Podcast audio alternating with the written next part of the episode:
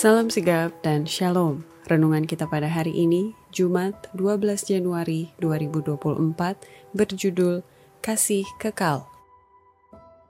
Ayat intinya terdapat di dalam Matius 6 ayat 15. Tetapi jikalau kamu tidak mengampuni orang, Bapamu juga tidak akan mengampuni kesalahanmu. Pena Inspirasi menuliskan judul renungan kita pagi ini, Kasih Kekal, yang tidak lain dan tidak bukan adalah Yesus, nama di atas segala nama, agar supaya kita bisa mengalami pengalaman pribadi dan dapat memaknai dan merasakan sentuhan kasihnya, dan lebih memperkaya perjalanan hidup ini sampai kita kelak bertemu dengan dia, muka dengan muka di surga, sebagai berikut. Pertama, Yesus memberikan kasih kekal kepada orang yang datang memohon pengampunan kepadanya. Maka itu sebagai orang Kristen, kita harus tetap setia sampai kesudahan.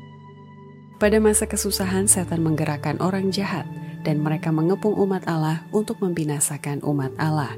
Tetapi dia tidak tahu bahwa kata pengampunan sudah dituliskan di samping nama umat Tuhan dalam buku surga. Kedua, Yesus memberikan kasih kekal kepada orang yang datang memohon pengampunan kepadanya. Maka itu, sebagai orang Kristen, kita harus memancarkan terang dengan memperkenalkan kebenaran kepada orang lain setelah kita menikmati pengampunan daripadanya.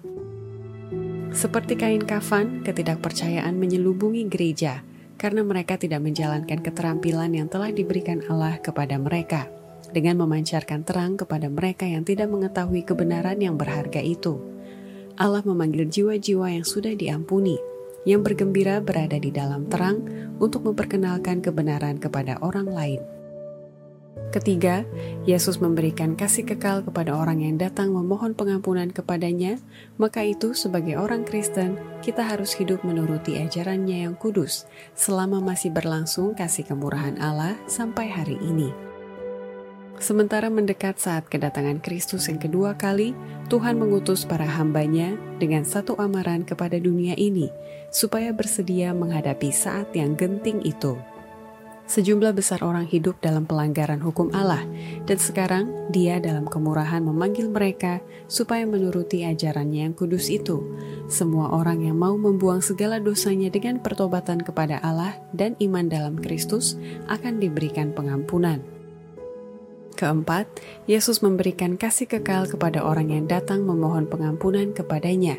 Maka itu, sebagai orang Kristen, kita harus memupuk sifat berhutang jiwa kepada setiap orang yang pernah dikenal dan menjangkau jiwa-jiwa itu yang tak dapat dijangkau oleh pendeta yang sudah diurapi.